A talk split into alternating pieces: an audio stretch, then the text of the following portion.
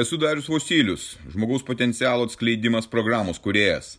Tai mano gyvenimo kelionės patirtis, kuri gali padėti tau atsikratyti ribojančių įstikinimų, nelaimingumo, priklausomybių ir pradėti gyventi aukščiausios kokybės gyvenimą. Registruokis pokalbiui dariusvosilius.lt ir pradėk šiandien savo pokyčius.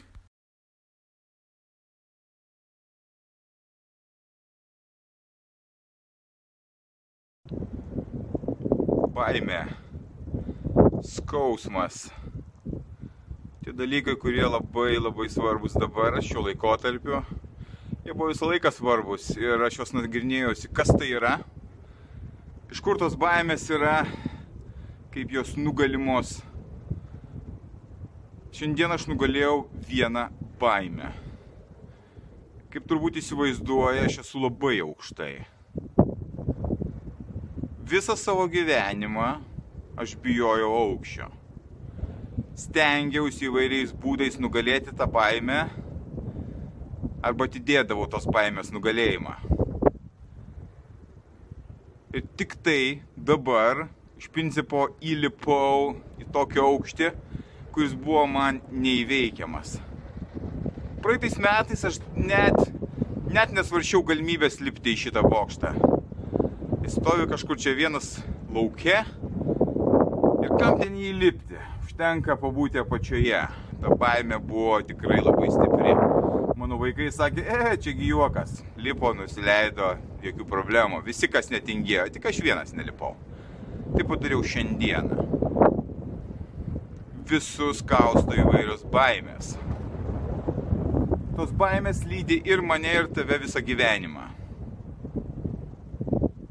nuo pat vaikystės buvo tos baimės, kurios mane ribodavo.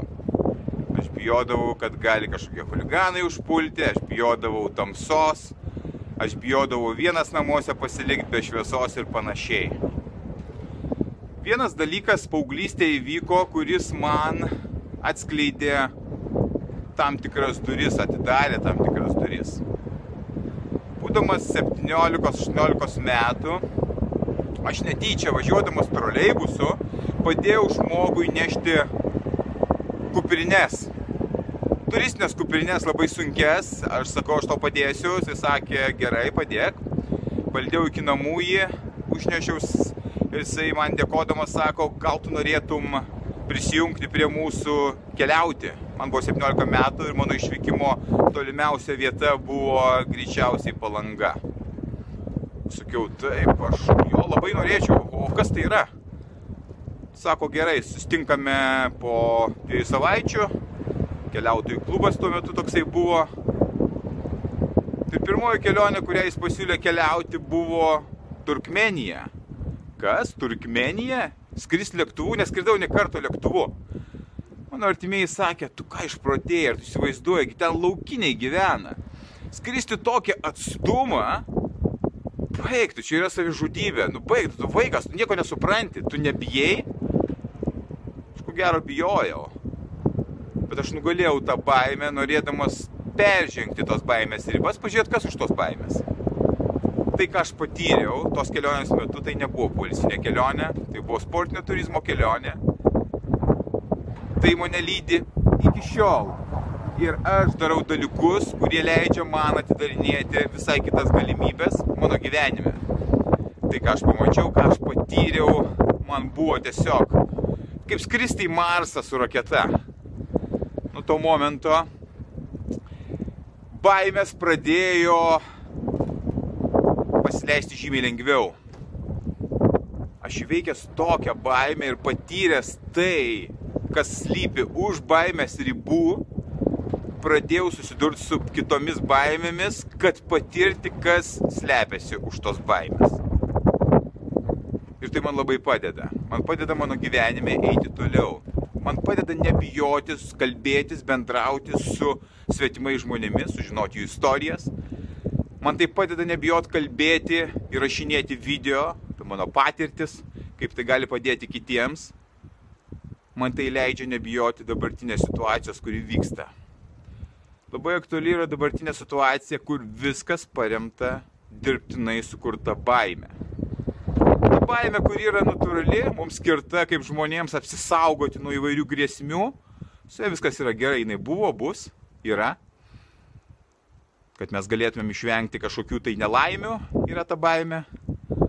Bet dabar, aišku, prieš tai visą laiką jinai buvo, dabar ypatingai stipriai kuriama baimės atmosfera žmonėms. Ir per tą baimę žmonės yra valdomi. Jie yra parklubdyti ant kelių, nes jie bijo.